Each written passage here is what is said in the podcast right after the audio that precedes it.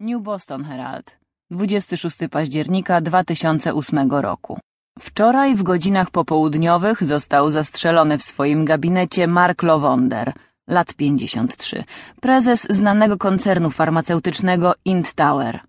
Według informacji przekazanych mediom przez rzecznika policji morderca Sniper zaczaił się na dachu sąsiedniego biurowca. Znaleziono tam innymi porzucony karabin Dragunow z tłumikiem, oraz łuskę pocisku 7,62 mm, który zabił biznesmena. Nieoficjalnie dowiedzieliśmy się, że na żadnym z przedmiotów nie odkryto odcisków palców ani śladów biologicznych umożliwiających zidentyfikowanie sprawcy.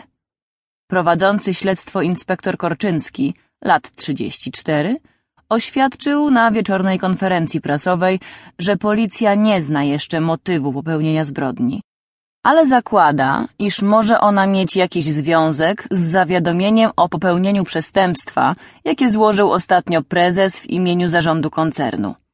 Warto przypomnieć, że wewnętrzna kontrola firmy przeprowadzona latem w bliskowschodnich filiach Int Tower wykazała poważne nadużycia finansowe regionalnego kierownictwa.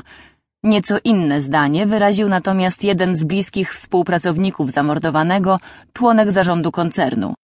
Zastrzegając anonimowość, oświadczył on, że zabójstwo mogło mieć związek z problemami rodzinnymi Lowondera. Dwa miesiące temu prezes złożył bowiem w sądzie pozew rozwodowy. Żona Agris, lat 26, oskarżana przez biznesmena o liczne zdrady, miała podobno wielokrotnie stwierdzić, i to w obecności świadków, że opcja rozwodu nie wchodzi w grę, bo dziadziuś go najzwyczajniej w świecie nie dożyje www.leparisien.fr Aktualité Information Direct 23 listopada 2008 roku. Jak donosi nasz współpracownik z Dijon, tamtejsza policja aresztowała przedwczoraj w godzinach wieczornych kobietę, którą oskarżono o zastrzelenie przed trzema tygodniami emerytowanego podpułkownika Legii Cudzoziemskiej Michela Longeta. Sprawa jest tajemnicza i niejasna, gdyż zatrzymana nie znała Denata, a w dodatku uparcie twierdzi, że nie ma nic wspólnego z zabójstwem. Przeprowadzone wczoraj badanie wariograficzne wykazało, iż kobieta mówi prawdę. Pomimo tego, rzecznik Policji Narodowej w Dijon stwierdził, że śledczy dysponują jednoznacznymi dowodami winy.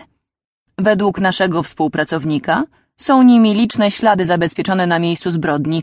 W sposób oczywisty wskazują one na winę aresztowanej.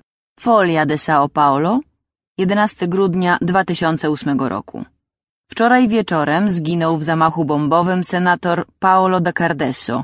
Ten wieloletni członek Kongresu Narodowego znany był z lewicowych przekonań oraz nieprzychylnego stanowiska wobec inicjatyw rządu mających na celu dalszą liberalizację gospodarki. Według zeznań kilku świadków, z zamachem może mieć związek młoda kobieta o indiańskich rysach twarzy, która była widziana przy zaparkowanym samochodzie senatora na kilka minut przed eksplozją. Policja dysponuje szczegółowym rysopisem podejrzanej i prowadzi jej intensywne poszukiwania. The Daily Universal Register Online 9 stycznia 2009 roku Wczoraj wieczorem zmarł w Hamills London Medical Clinic major chińskiego wywiadu Hu Peng, który w listopadzie ubiegłego roku oskarżył kilku wpływowych członków Komitetu Centralnego KPH o zgromadzenie gigantycznych fortun dzięki współpracy z siecią klinik transplantologicznych w USA i Kanadzie.